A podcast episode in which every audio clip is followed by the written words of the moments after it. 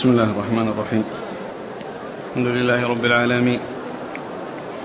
والصلاة والسلام على عبد الله ورسوله نبينا محمد وعلى آله وصحبه أجمعين. أما بعد فيقول الإمام الحافظ أبو عبد الله بن ماجه القزويني رحمه الله تعالى يقول في سننه باب التوقي في التجارة.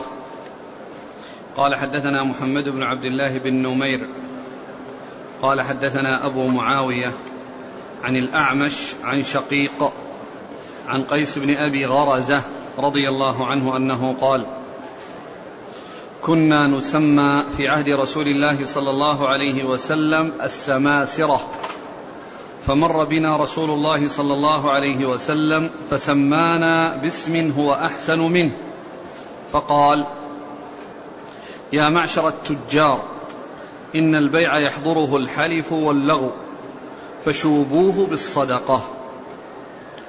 بسم الله الرحمن الرحيم الحمد لله رب العالمين وصلى الله وسلم وبارك على عبده ورسوله نبينا محمد وعلى آله وأصحابه أجمعين. أما, أما بعد فيقول الإمام ماجه رحمه الله باب في التوقي في التجارة. في التجارة. باب في التوقي في التجارة. المقصود من ذلك أن الإنسان يحتاط لنفسه في التجارة فيحرص على أن لا يحصل منه أمر في مخالفة للشرع ولا يحصل منه تصرفات أو أقوال أو أفعال فيها مخالفة للشرع مثل أن أن يحلف وهو كاذب يعني في من أجل ترويج السرعة السلعة. وكذلك آه آه، يبتعد يبتعد عن عن أي شيء فيه مخالفة. هذا مقصود التوقي يعني يتوقى في تجارته ما هو محذور فيبتعد عنه ويعرف المشروع والمأمور به فيقدم عليه. فلا يفعل لا قولا لا يحصل منه لا قول ولا فعل فيه مخالفة لشرع الله.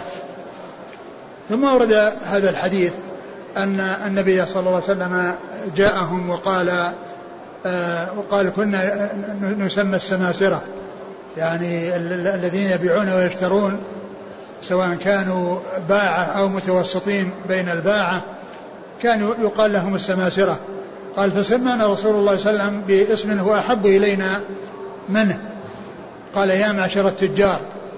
يعني معناه أنه سماهم تجار. وذلك أن لفظ التجارة جاء في الكتاب العزيز وفيه تجارة دنيوية وتجارة أخروية يعني جاء في ذلك ذكر التجارة في أمور الدنيا وأمور الآخرة. وأما لفظ السماسرة أو السمسرة فإن هذا لفظ قيل إنه أعجمي وقيل إنه مولد فمن أجل ذلك الرسول عليه الصلاة والسلام سماهم التجار وخاطبهم بالتجار وقالوا إن هذا أحب إليهم من ذلك الذي كانوا يسمون به في عهد رسول الله صلى الله عليه وسلم وهو السماسرة. والسماسرة جمع سمسار. وقيل إنه الوسيط بين المتبايعين وقيل إنه يطلق على ما هو أعم من ذلك من آه من آه من المتبايعين الذي يبيعون ويشترون ويشتغلون بالتجارة. الرسول صلى الله عليه وسلم خاطبهم بقوله يا معشر التجار. وليس ذلك مقصورا على الوسطاء. وإنما هو للوسطاء الذين يشتغلون في التجارة وفي آه، التوسط بين البائع والمشتري وكذلك الذين يبيعون ويشترون عليهم أن يتوقوا في آه، تجارتهم وألا يحصل منهم إلا الشيء الذي آه، هو سائغ ويحذروا من أن يقع منهم شيء غير سائغ. قال المتن. كنا نسمى في عهد رسول الله صلى الله عليه وسلم السماسرة. فمر بنا رسول الله صلى الله عليه وسلم فسمانا باسم هو أحسن منه. فقال يا معشر التجار إن نعم البيع يا معشر المعشر يعني يطلق على مجموعة. يشملهم وصف ما وصف من الأوصاف. يا معشر التجار يعني جماعة التجار الذين هم متصفون بالتجارة. اللي يا معشر الشباب يعني الذين هم شباب يا معشر الرجال يا معشر النساء يعني آه، يطلق على وصف خاص أو على جماعة لهم وصف خاص. هذا هو المعشر. فقال يا معشر التجار والاسم هو التجار يعني بدل السماسرة يا معشر التجار إن إن البيع يحضره الحلف واللغو. إن البيع يحضره الحلف واللغو يعني يكون مع البيع حلف والحلف قد يكون قد يكون الإنسان صادقا فيما يقول وقد يكون كاذبا. والكذب لا شك أنه آه، أمر خطير. والحلف وهو صادق ما ينبغي للإنسان أن يحرص على أن يحلف حتى ولو كان صادقا. يبين التجارة يبين السلعة وما فيها دون أن يحلف. لكنه إذا حلف على صدق فإنه لا بأس به. ولكن الأولى عدم استعمال الحلف. وعدم الحرص على استعمال الحلف.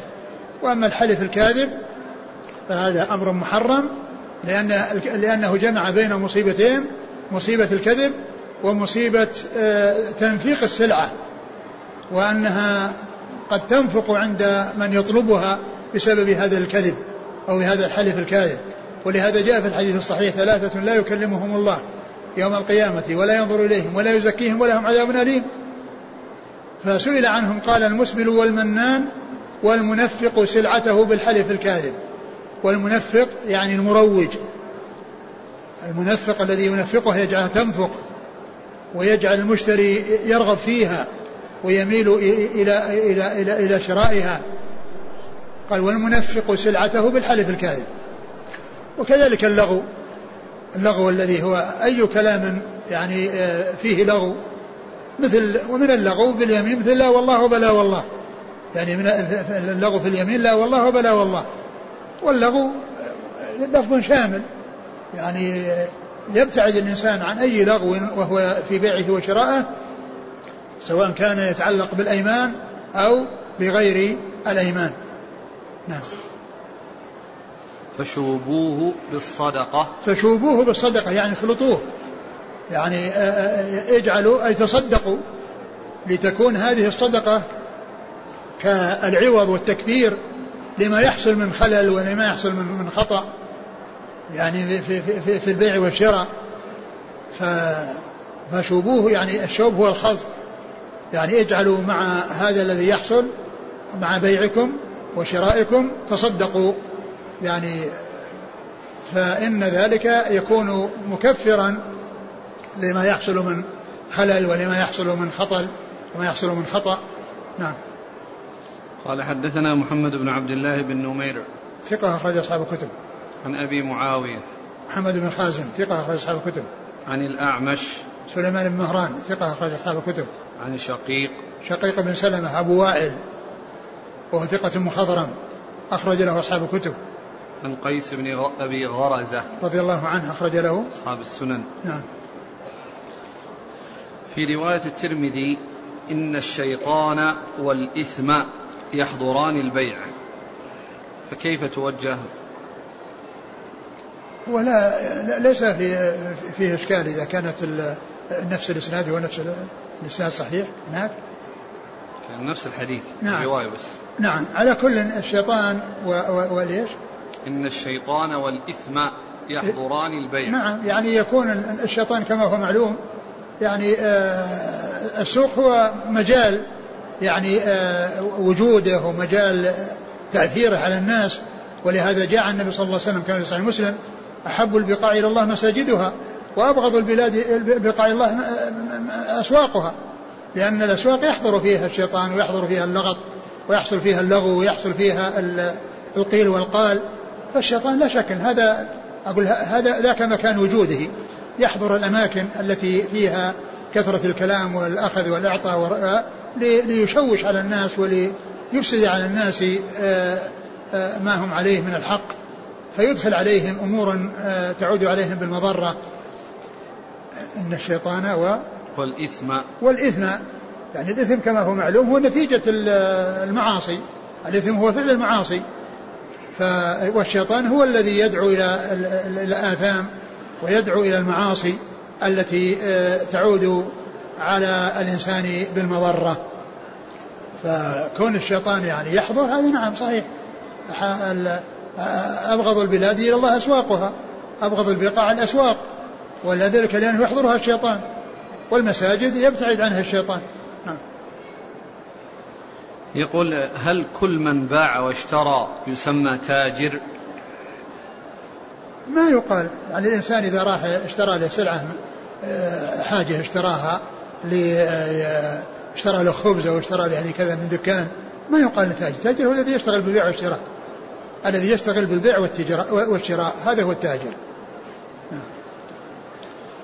قال حدثنا يعقوب بن حميد بن كاسب قال حدثنا يحيى بن سليم الطائفي عن عبد الله بن عثمان بن خوثيم عن إسماعيل بن عبيد بن رفاعة عن أبيه عن جده رفاعة رضي الله عنه أنه قال خرجنا مع رسول الله صلى الله عليه وسلم فإذا الناس يتبايعون بكرة فناداهم يا معشر التجار!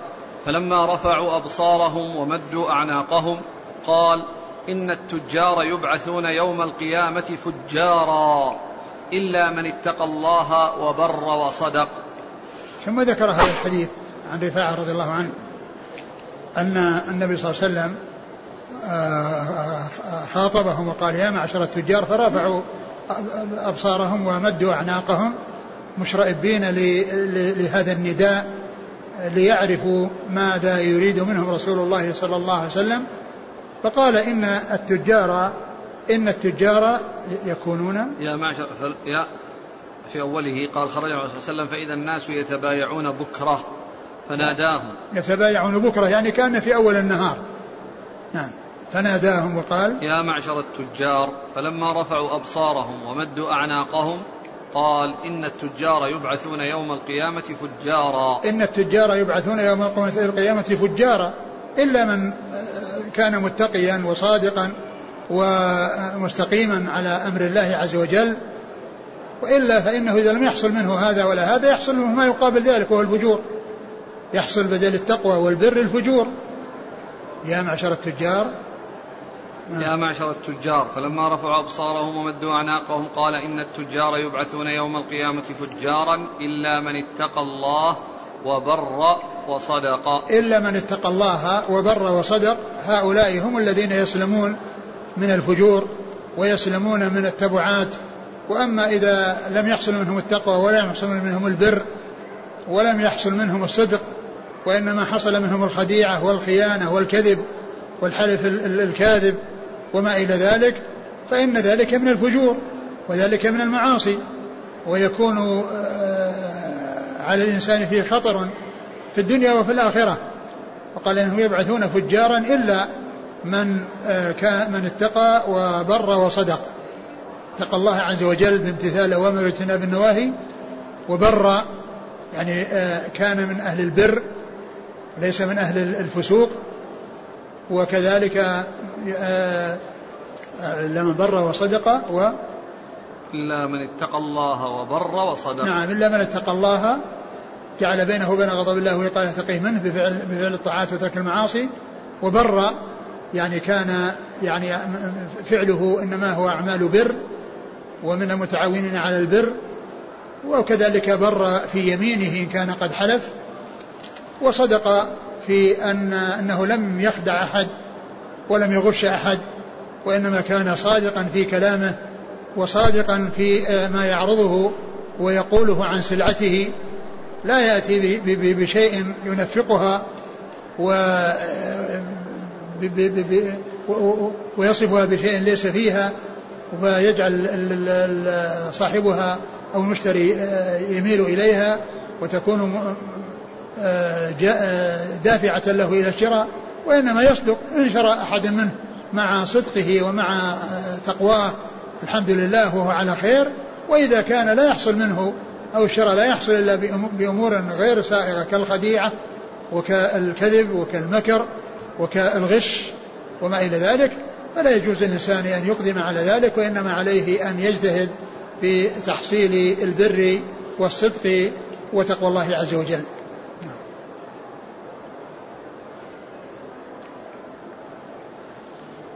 قال حدثنا يعقوب بن حميد بن كاسب. هو صدوق. صدوق ربما وهم أخرج البخاري في خلق أفعال عباد بن ماجه. نعم. عن يحيى بن سليم الطائفي. وهو؟ صدوق سيء الحفظ أخرجه أصحاب الكتب. آه. عن عبد الله بن عثمان بن خثيم وهو؟ صدوق أخرجه البخاري تعليقا ومسلم وأصحاب السنن. نعم. عن إسماعيل بن عبيد بن رفاعة. وهو؟ مقبول أخرجه البخاري المفرد والترمذي وابن ماجه. هنا قال إنه مقبول وترجمته يعني ليس فيها شيء يدل على القدح فيه. وإنما يعني فيها ما يدل على على مدحه وعلى الثناء عليه وليس فيها شيء يدل على ثلبه وعيبه بشيء يؤثر في روايته. والمحشي أو المعلق على التقريب ذكر أو أشار إلى إلى شيء من ذلك. وهو كذلك في تهذيب التهذيب ليس فيه شيء. ترجمته ليس فيها شيء. يعني مما يدل على أنه يعني ليس ممن يقال في حقه مقبول. وإنما هو أكثر من ذلك بأن يكون صدوقا. إيش قال الحاشية؟ الحاشية التقريب. قل قال الأثر الباكستاني بل الصواب أن يقال فيه صدوق أو ثقة لأن ابن حبان ذكره في الثقات وصحح حديثه الترمذي وقال الحاكم لحديثه في المستدرك صحيح الإسناد ووافقه الذهبي وأقر تصحيحه المنذري في الترغيب ثم لم أجد من تكلم فيه بكلام يعتبر به. نعم.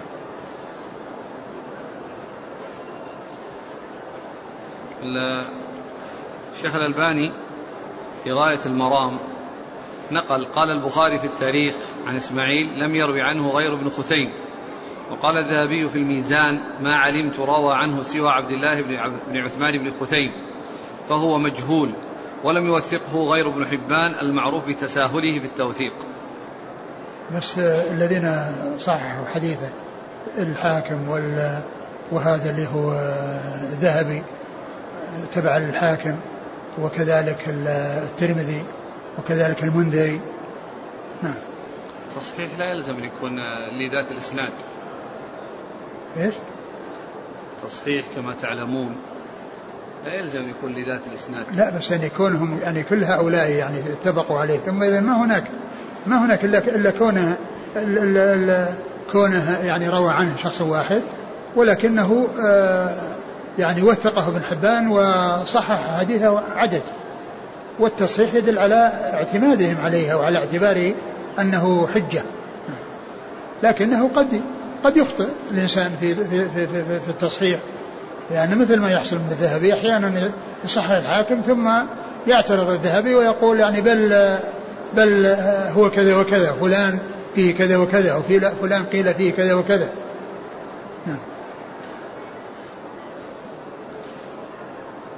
عن أبيه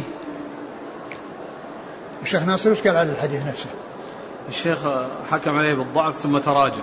إيه قال انه لكن لم يتراجع لأجل هذا الرجل لأنه وجد له. أقرأ عليكم. نعم. حديث يا معشر التجار فلما رفع أبصارهم قال الألباني في تخريج هداية الرواة. إسناده ضعيف وعلته إسماعيل بن عبيد بن رفاعة وهو مجهول كما بينته في غاية المرام. لكن أخرجه البيهقي بإسناد جيد عن البراء بن عازب. ولذا خرجته في الصحيحة 1458 وله شواهد انظرها في الصحيحة. وبه صار الحديث حسنا أو صحيحا. وكذلك في الترغيب والترهيب التحقيق الأخير رمز له بصحيح لغيره. وفي الصحيحة في 1458 قال أخرجه الترمذي وابن حبان والحاكم وصححوه. لكن في إسماعيل جهالة كما بينته في أحاديث البيوع. فلما وقفت على طريق البراء هذه بادرت إلى تخريجها تقوية للحديث والحمد لله على توفيقه. ولذا أوردته في صحيح الترغيب بعد أن كنت بيضت له في المشكاة. فلينقل هذا التصحيح إلى هناك. نعم.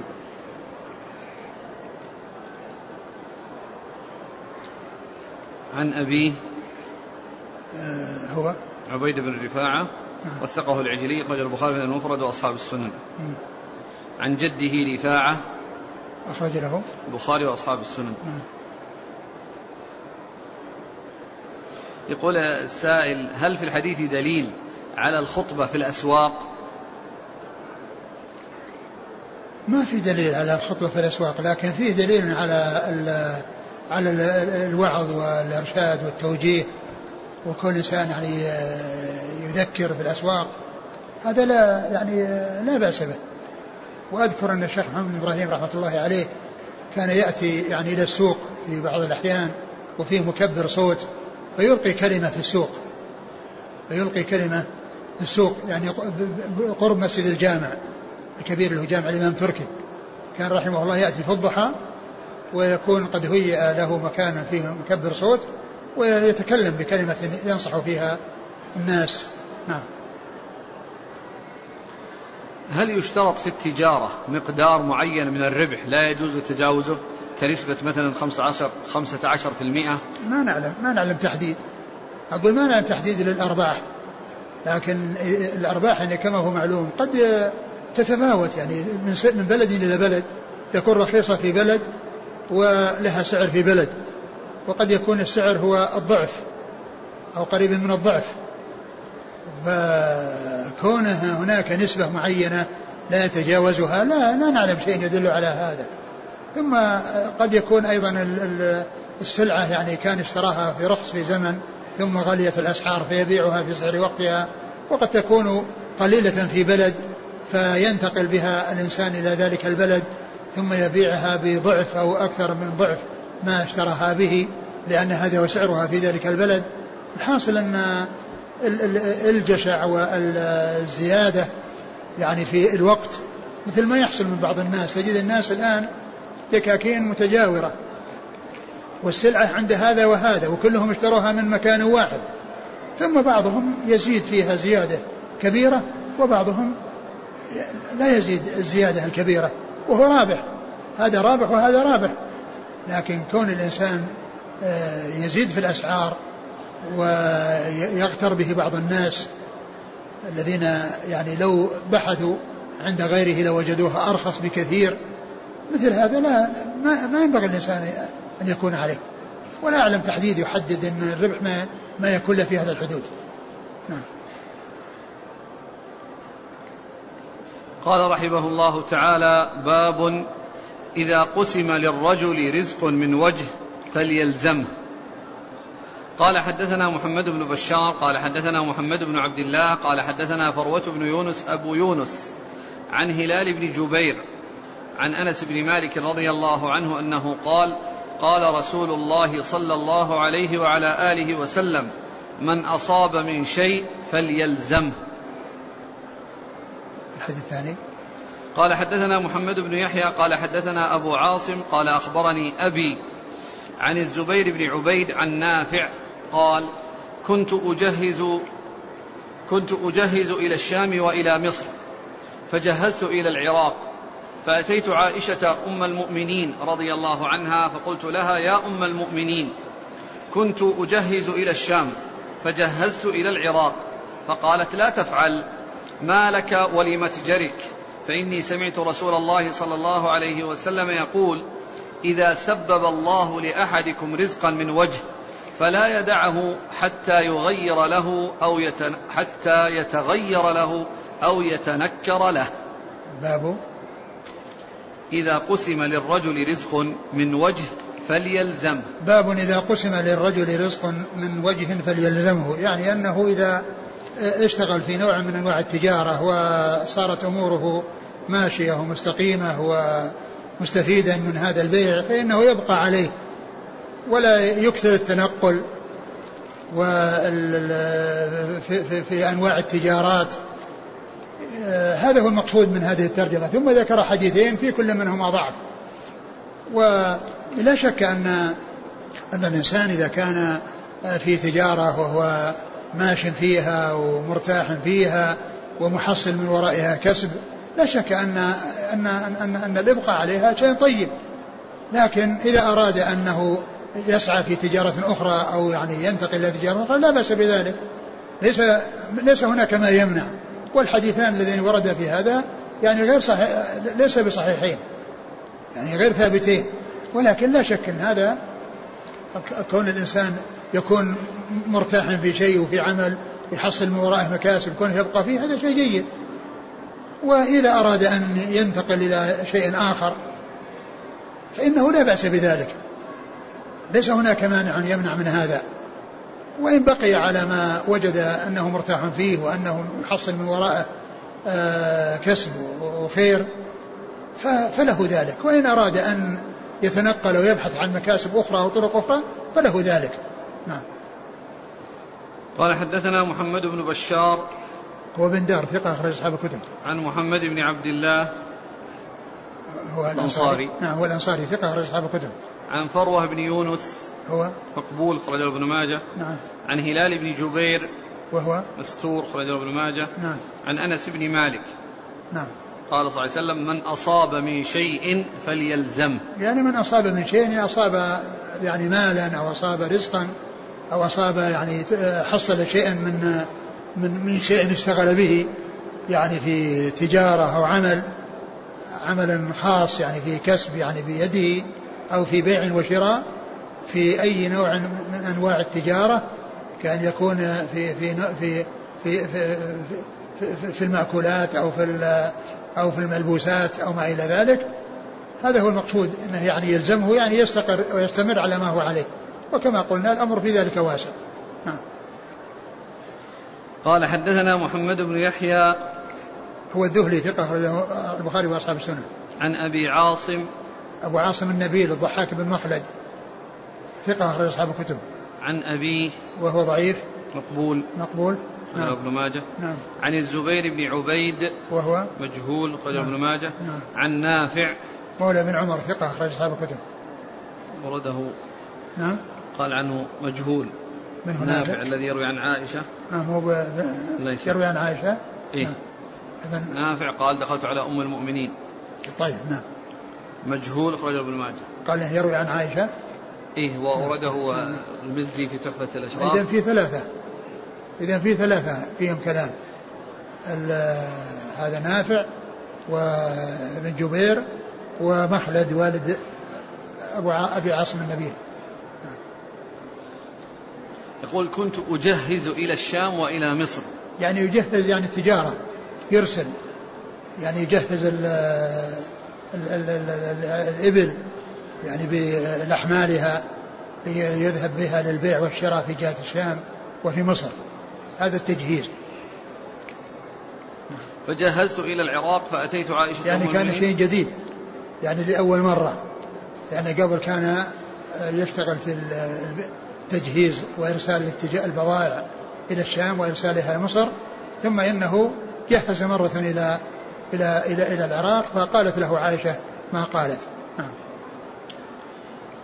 فقالت لا تفعل ما لك ولمتجرك. يعني ما لك ولمتجرك يعني الذي أنت أنت مستريح فيه ومطمئن فيه ومحصل من ورائه يعني شيء ما لك وله. يعني كونك تعدل عنه إلى إلى جهة أخرى. يعني إلزم يعني ما أنت عليه ثم ذكرت الحديث والحديث غير صحيح كما عرفنا.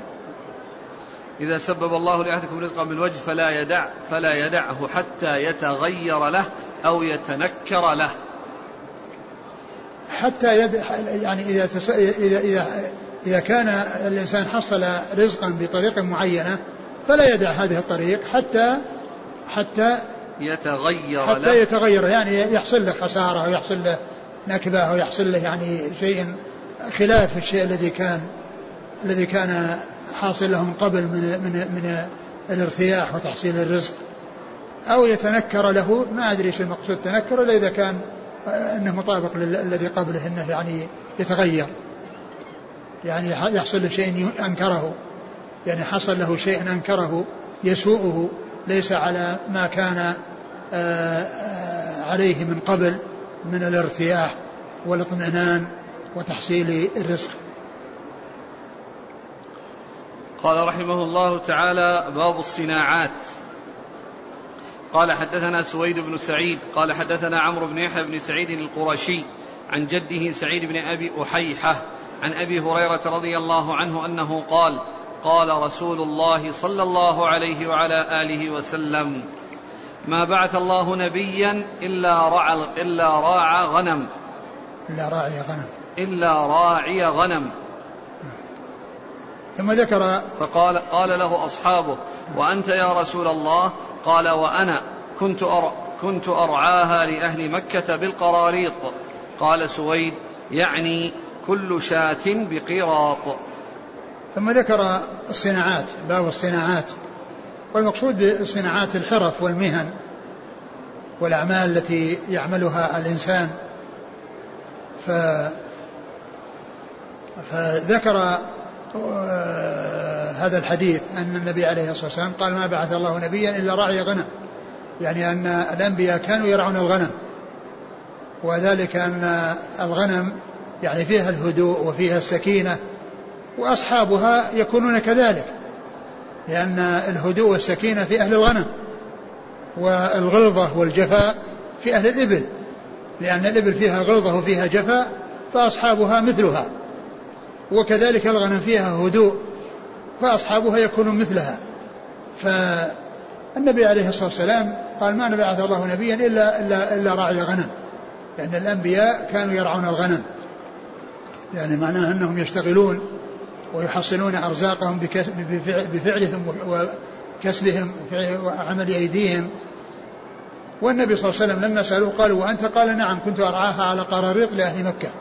قراريط جمع قراط يعني أن كما ذكر في التفسير تفسير الكلام المقصود أن كل شاة بقراط.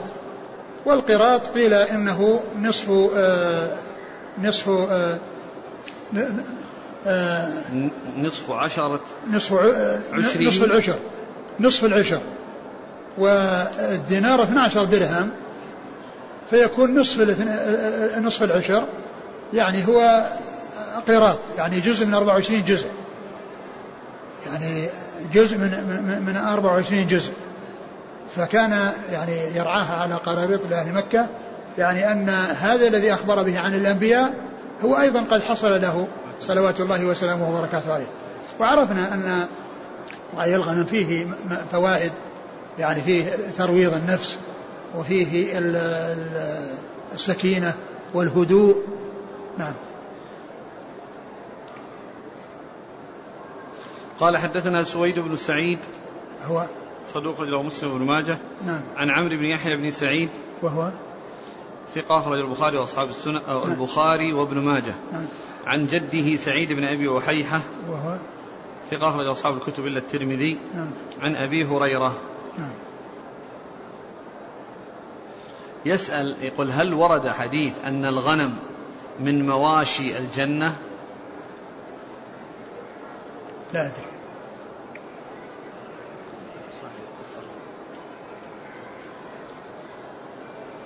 قال حدثنا محمد بن يحيى قال حدثنا محمد بن عبد الله الخزاعي والحجاج والهيثم بن جميل.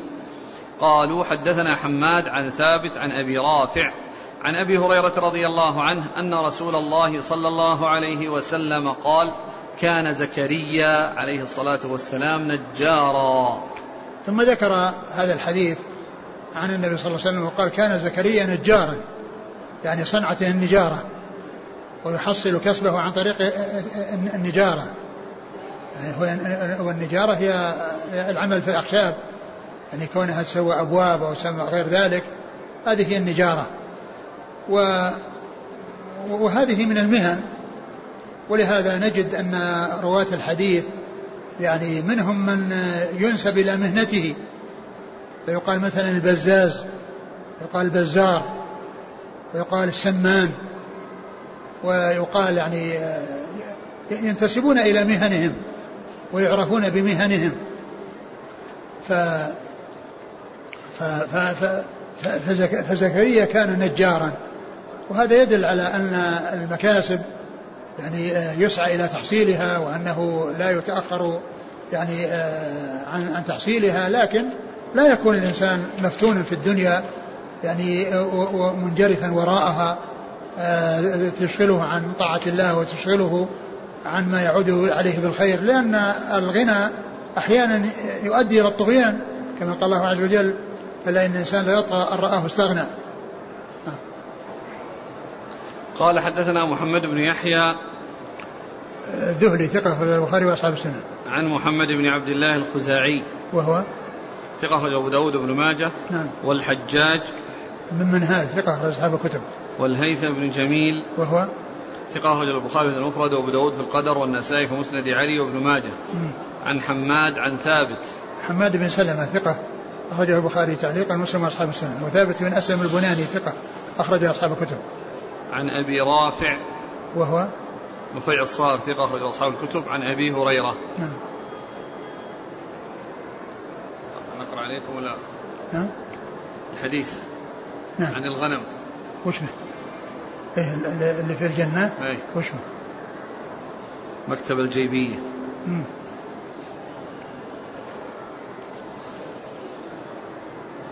السلسلة الصحيحة 1128 صلوا في مراح الغنم وامسحوا رغامها فإنها من دواب الجنة من خرجه؟ رواه وين صحيحه هو؟ إيه رقم كم؟ 1100 1128 مم. رواه ابن عدي. هذا اللي بعده ولا قبل رواه ابن عدي وعنه البيهقي عن كثير بن زيد عن الوليد بن رباح عن أبي هريرة مرفوعا. وقال وكثير لم ار بحديثه باسا وأرجو أنه لا بأس به. قلت وقال الذهبي صدوق فيه لين. وقال حافظ صدوق يخطئ. قلت فهو حسن الحديث إن شاء الله ما لم يخالف قد توبع. أخرجه البيهقي أيضا والخطيب في التاريخ من طريق إبراهيم بن عيينة قال سمعت ابن حبان قال سمعت ابن حبان يذكر عن أبي زرعة ابن عمرو ابن جرير عن أبي هريرة مرفوعا بلفظ إن الغنم من دواب الجنة فامسحوا رغامها وصلوا في مرابضها. قلت وهذا إسناد حسن أيضا. إبراهيم بن عيينة قال الحافظ صدوق يهم وله طريق ثالثة بلفظ امسح رغامها يعني الغنم وصل في مراحها فإنها من دواب الجنة. أخرجه البزار من طريق عبد الله بن جعفر بن طيب نجيح اقرأ خلاص يعني تابع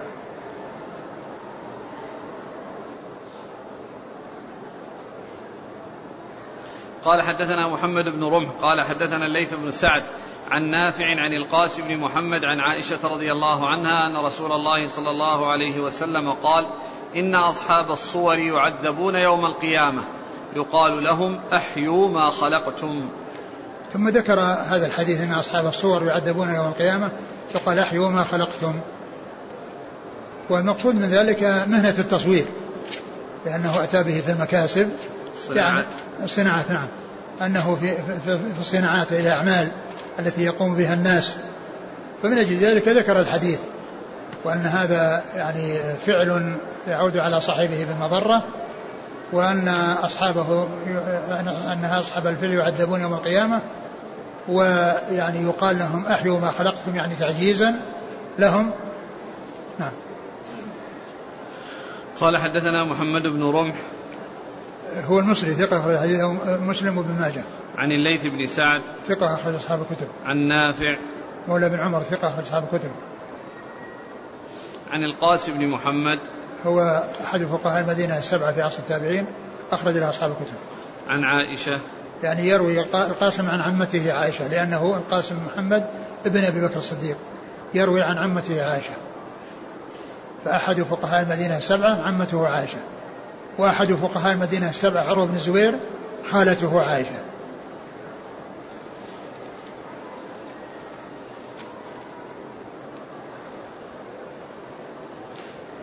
جاءت الأسئلة في أصحاب الصور. هل تدخل صور الفيديو والجوالات الصور الفوتوغرافية في هذا الوعيد؟ الصور التي آه، اللي في ذوات الأرواح الحكم فيها واحد. وأما الصور التي ليست في ذوات الأرواح فهذه لا بأس بها مطلقة. الصور التي ليس فيها ليست لذات روح هذه لا بأس بها. والصور التي لذات روح آه، يعني آه، الحكم فيها واحد ولكن يجوز من ذلك ما تدعو إليه الضرورة. قال حدثنا عمرو بن رافع قال حدثنا عمر بن هارون عن همام عن فرقد السبخي عن يزيد بن عبد الله بن الشخير عن أبي هريرة رضي الله عنه أنه قال قال رسول الله صلى الله عليه وسلم أكذب الناس الصباغون والصواغون. ثم ذكر هذا الحديث عن أبي هريرة أن النبي صلى الله عليه وسلم قال أكذب الناس الصباغون والصواغون. الصباغون الذين يصبغون الثياب والصواغون الذين يصبغون الحلي. والحديث في إسناده آه، من هو متصم أو متهم بالكذب ومتهم بالوضع وهو عمر بن هارون وقد قال عنه الحافظ التقريب متروك وفيه أيضا فرقد يعني الذي هو الذي هو قبله وفيه كلام فالحديث غير صحيح بل هو مكذوب وموضوع. نعم.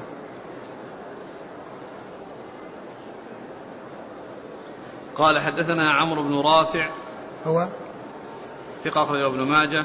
نعم. عن عمر بن هارون وهو متروك أخرج له. الترمذي وابن ماجه. نعم. عن همام همام بن يحيى العوضي. نعم ثقة أخرج أصحاب الكتب. عن فرقد السبخي. هو؟ صدوق لي من الحديث كثير الخطأ أخرجه الترمذي وابن ماجه. نعم. عن يزيد بن عبد الله بن الشخير. ثقة أخرج له. أصحاب الكتب. نعم. عن أبي هريرة. نعم.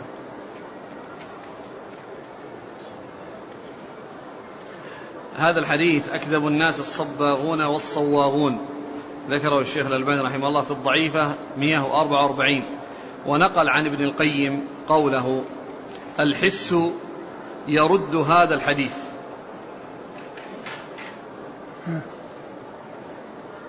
فإن الكذب في غيرهم فإن الكذب في غيرهم أضعافه فيهم.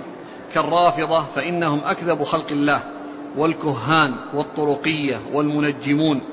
وقد تأوله بعضهم على أن المراد بالصباغ الذي يزيد في الحديث ألفاظ ألفاظا تزينه. والصواغ الذي يصوغ الحديث الحديث ليس له أصل. وهذا تكلف بارد لحديث باطل. صحيح. يعني كون الصباغ يفسر بهذا المعنى والصواغ يفسر بهذا المعنى المتبادر أنها صبغ الثياب وصياغة الحلي وصياغة الحلي. لكن هذا الذي ذكره يعني هذه أقول هذه نحل خبيثة وبدع يعني منكرة. وأما هذا يعني يتعلق بال بالمهن والحرف. كونه يعني في شيء ما هو أشد منه وأسوأ منه لا شك. يعني بعض أهل البدع الذين يفسدون العقائد ويدعون إلى الباطل لا شك أنهم أسوأ ممن يكون لشأنه أنه يعني يتصف بكونه صباغا أو صواغا ويكون معتادا الكذب. نعم. عرفنا يعني هذه بعضها الصناعات وأحكامها لكن ماذا تقولون في من يؤجر صالون للحلاقة استوديو للتصوير؟ لا يزاول وإنما يؤجر. لا, لا هذا نفسه من جنسه. لأن كل هذا من التعاون على الإثم والعدوان. يعني ليس للإنسان أن يؤجر مكانا ليعمل فيه محرم. نعم. قال رحمه الله تعالى باب الحكرة والجلب. قال حدثنا نصر بن علي الجهضمي قال حدثنا أبو محمد قال حدثنا إسرائيل عن علي بن سالم بن ثوبان. عن علي بن زيد بن جدعان عن سعيد بن المسيب عن عمر بن الخطاب رضي الله عنه أنه قال قال رسول الله صلى الله عليه وعلى آله وسلم الجالب مرزوق والمحتكر ملعون. قال حدثنا نصر بن علي الجهضمي قال حدثنا أبو أحمد قال حدثنا إسرائيل عن علي بن سالم بن ثوبان. عن علي بن زيد بن جدعان عن سعيد بن المسيب عن عمر بن الخطاب رضي الله عنه أنه قال قال رسول الله صلى الله عليه وسلم الجالب مرزوق والمحتكر ملعون. ثم قال باب في الحكرة والجلب. الحكارة والجلب. الحكارة. ها؟ الحكارة. نعم. الحكارة والجلب. يعني جاء في الحديث ذكر ما يدل على معنى الترجمة وهو المحتكر والجالب. الجالب الذي يجلب البضاعة يعني إلى الأسواق ويأتي بها من أماكن يشتريها من مكان ثم يجلبها إلى مكان. أو أنه ما اشتراها ولكنه هو الذي هيأها وأعدها ثم جلبها. والمحتكر هو الذي آه، آه، يحتكر الأشياء التي الناس بحاجة إليها الناس بحاجة إليها فهو يحتكرها ينتظر فيها زيادة السعر وينتظر فيها الغلاء والناس بحاجة إليها. أورد هذا الحديث الجالب مرزوق. الجالب مرزوق يعني الذي يأتي بالسلع ويجلبها إلى الأسواق سواء كان اشتراها من مكان وأتى بها إلى المكان الذي جلبها إليه. أو أنه عملها وصنعها بنفسه ثم جلبها. هذا المقصود بالجلب أنه يأتي بالسلع ويجلبها إلى الأسواق لبيعها. والمحتكر ملعون. المحتكر الذي آه، يضيق على الناس في شراء آه، في الاحتفاظ بالأشياء التي الناس بحاجة إليها. ثم بعد ذلك آه، لا يخرجها إلا إذا ارتفعت الأسعار ومع أن الناس بحاجة إليها المحتكر منه. لكن الحديث غير صحيح لأن فيه فيه آه اثنان متكلم فيهما علي بن زيد بن جدعان و والثاني اللي علي بن سالم بن ثوبان. علي بن سالم يعني آه هو بن شوال علي بن سالم بن شوال يعني جاء في آه في تهذيب التهذيب وفي تهذيب الكمال وجاء في آه في آه في التقريب ووصفه قال يعني إنه بلفظ الشهر من شوال بلفظ الشهر. وقد جاء في بعض النسخ آه ثوبان. نعم. علي بن سالم. اي نعم. نعم. نعم. العجيب إنه في تحفة الأشراف نعم. ثوبان إيه. يعني كما ذكرت. ما أدري يعني نعم. ثم هنا في طبعة أبي الأشبال رمز له بسين. أيضا الرمز هذا يعني آه، ما هو مستقيم اللهم إلا إن كان أنها وإنما هو هو أصلا ليس له إلا هذا الحديث. ليس له إلا هذا الحديث أنه كان في ترجمته؟ إيه. ما أدري في التقريب لا. مش كافي بس قال علي بن سالم بن شوال باسم الشهر ضعيف من السابعة. ما أدري هل حديث أو حديث بعده. يعني ما كان هو عند ابن ماجه فقط و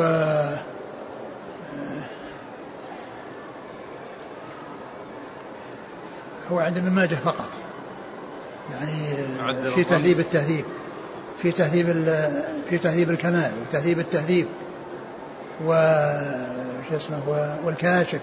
عدة كتب ليس فيها فيها ذكر ابن ماجه فقط يعني ليس في ذكر النسائي. فكان ما أدري هل هو خطأ أو إنه يعني أو إنه يعني أيضا يعني يروي له النسائي. لكن ما أدري هل ما أدري هو الحديث أو غيره إنه ليس فيه ليس له إلا إلا هذا الحديث ما أدري هو أو غيره. لكن الرمز قاف. يعني لابن ماجه يعني في تهذيب في نفس تهذيب الكمال وتهذيب التهذيب وفي الخلاصة. نعم. لعل المكتبة الجيبية تخرج شيء إيه. بهذا. جاري البحث البحث جاري. نعم. قال ضعيف خرج ابن ماجه عن علي بن زيد بن جدعان. نقصد نقصد بالمكتبة الجيبية الكتب المدخلة في في الجوال الكتب الكثيرة المدخلة في الجوال لأن هذه مكتبة جيبية. نعم. عن علي بن زيد بن جدعان. آه ضعيف أخرج له. مخالف المفرد ومسلم وأصحاب السنن. وهذا قال ضعيف نعم, نعم ضعيف نعم. فقط. نعم. عن سعيد عن سعيد بن المسيب. نعم ثقة فقيه أخرج أصحاب الكتب. عن عمر بن الخطاب. رضي الله عنه. أمير المؤمنين وثاني الخلفاء الراشدين الهادي المهديين صاحب المناقب الجمة والفضائل الكثيرة وحديث عند أصحاب الكتب الستة.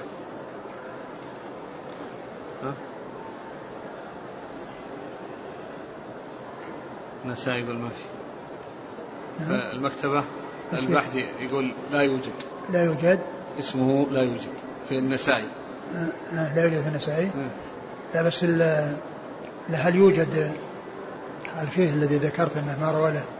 انما فيه إلا حديث واحد أو أنه غير سيأتي ما أتذكر. جزاك الله نشوف تهذيب الكمال. نعم. اي نعم. شوف تهذيب الكمال. تهذيب الكمال. في ترجمة هذا اللي هو علي بن سالم بن شوال. شوال.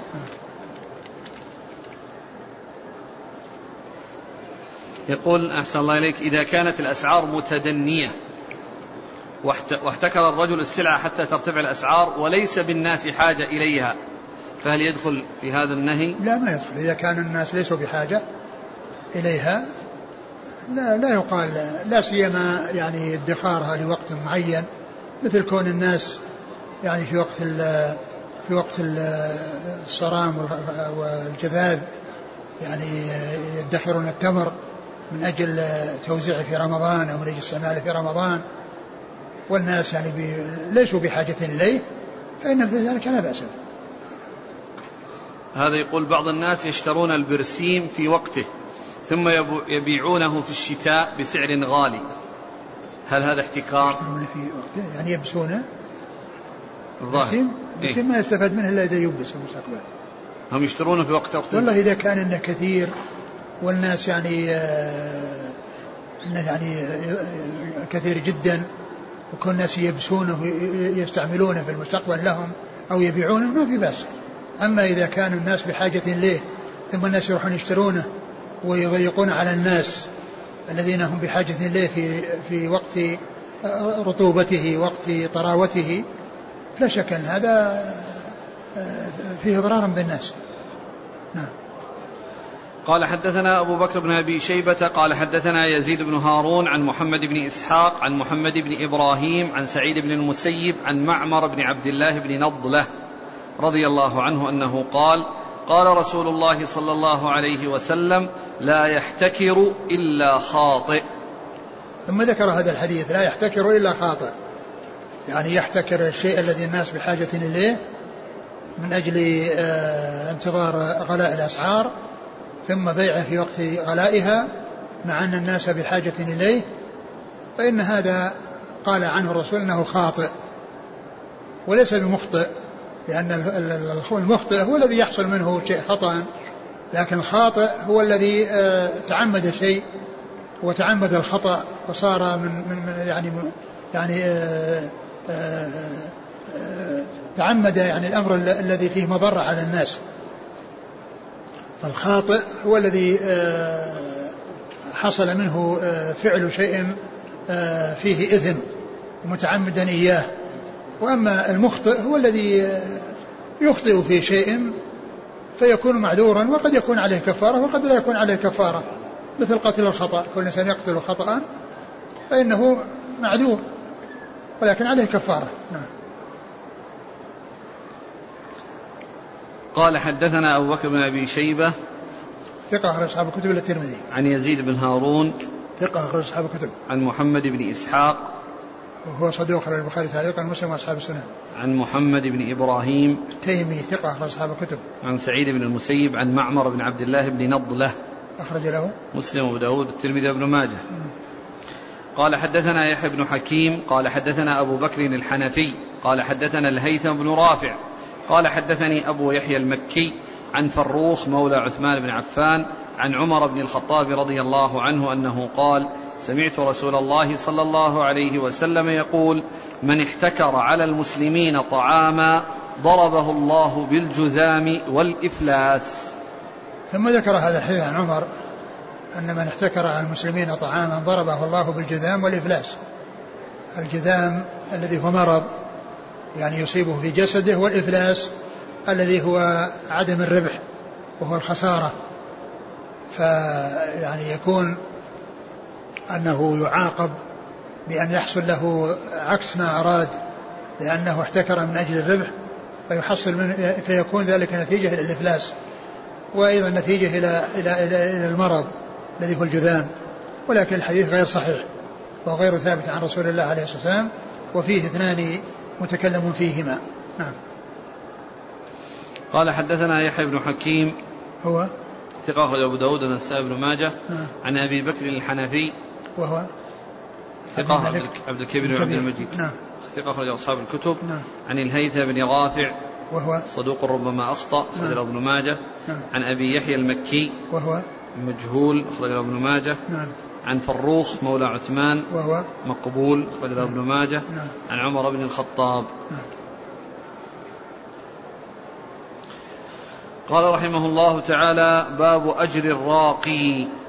قال حدثنا محمد بن عبد الله بن نمير قال حدثنا أبو معاوية قال حدثنا الأعمش عن جعفر بن إياس عن أبي نضرة عن أبي سعيد الخدري رضي الله عنه أنه قال بعثنا رسول الله صلى الله عليه وسلم ثلاثين راكبا في سرية فنزلنا بقوم فسألناهم أن يقرونا فأبوا. فلدغ سيدهم فأتونا فقالوا أفيكم أحد يرقي من العقرب؟ فقلت نعم أنا ولكن لا أرقيه حتى تعطونا غنما.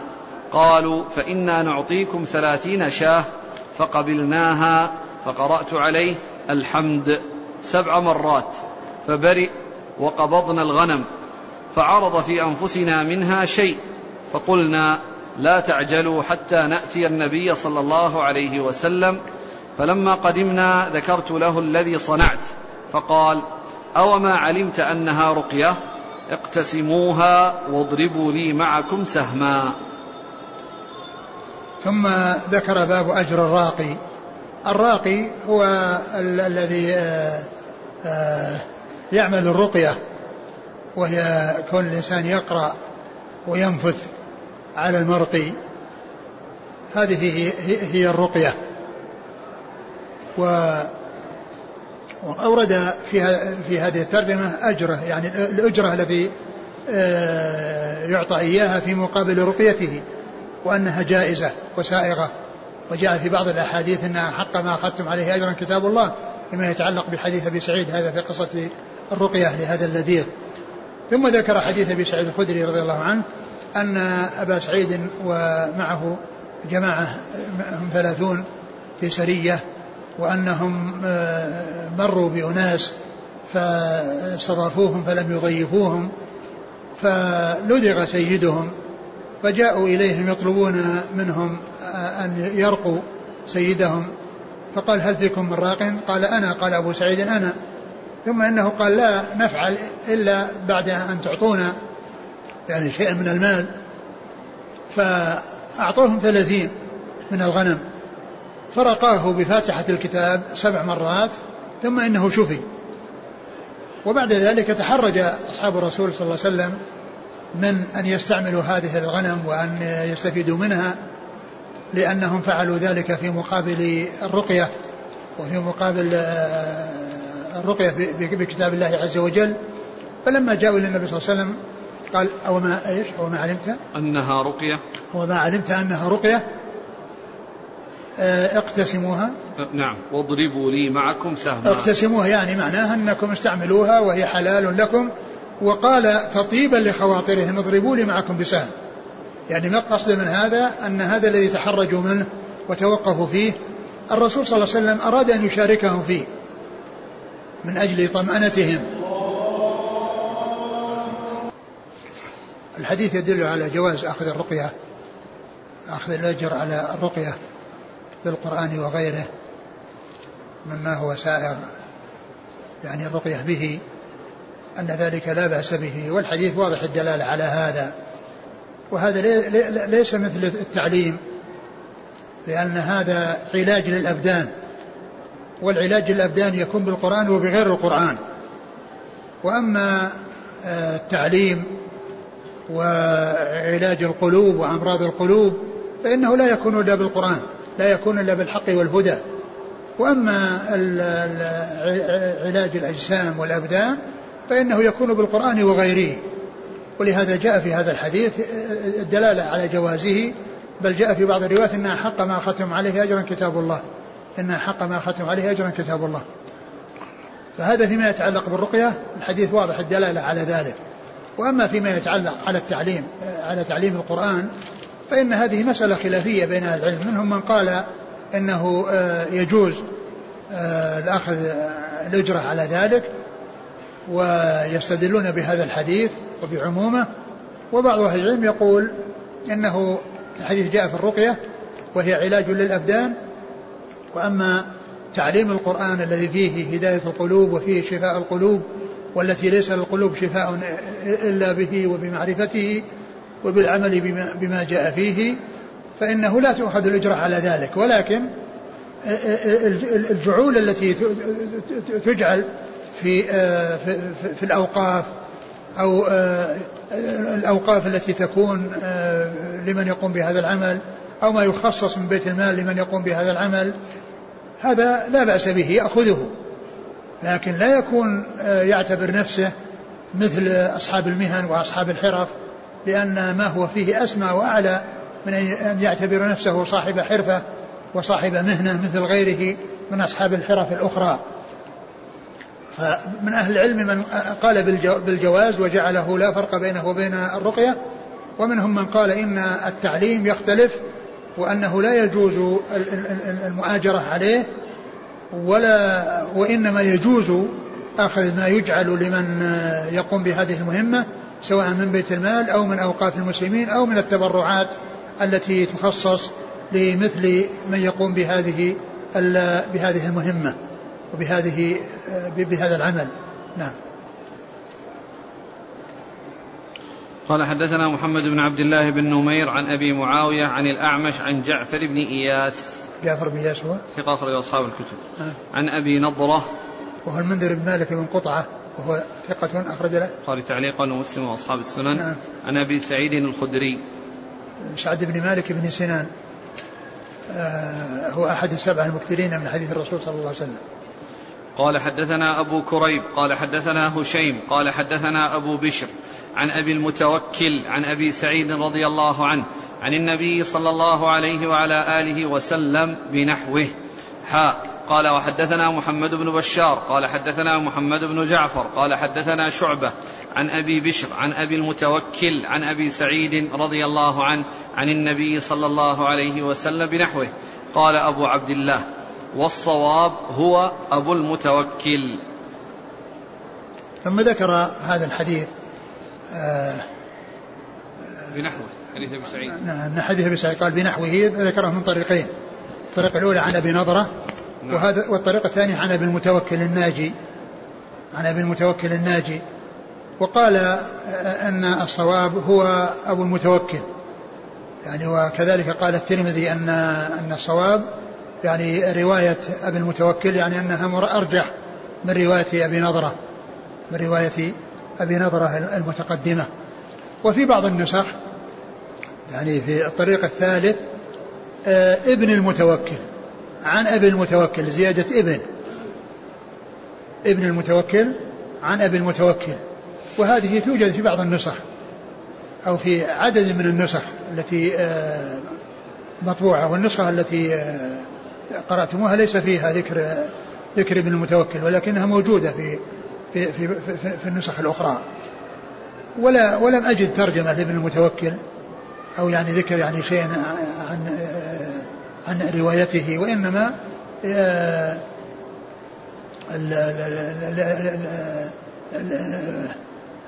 الذي في بعض في بعض النسخ أنه أبو المتوكل دون أن يكون فيه ابن المتوكل. نعم. قال حدثنا أبو كريب محمد بن العلاء بن كريب ثقة أخرج أصحاب الكتب. عن هشيم بن بشير الواسطي ثقة أخرج أصحاب الكتب. عن أبي بشر وهو جعفر بن إياس بن أبي وحشية ثقة أخرج أصحاب الكتب. عن أبي المتوكل الناجي وهو وهو ثقة أخرج أصحاب هو علي بن داود نعم علي بن داود ثقة أصحاب الكتب. عن أبي سعيد قال وحدثنا محمد بن بشار عن محمد بن جعفر محمد بن جعفر غندر ثقة أخرج أصحاب الكتب. عن شعبة شعبة بن الحجاج ثقة أخرج أصحاب الكتب. عن أبي بشر عن أبي المتوكل عن أبي سعيد. نعم. باب الأجر على تعليم القرآن. والله تعالى أعلم وصلى الله وسلم وبارك على نبينا محمد وعلى آله وأصحابه أجمعين.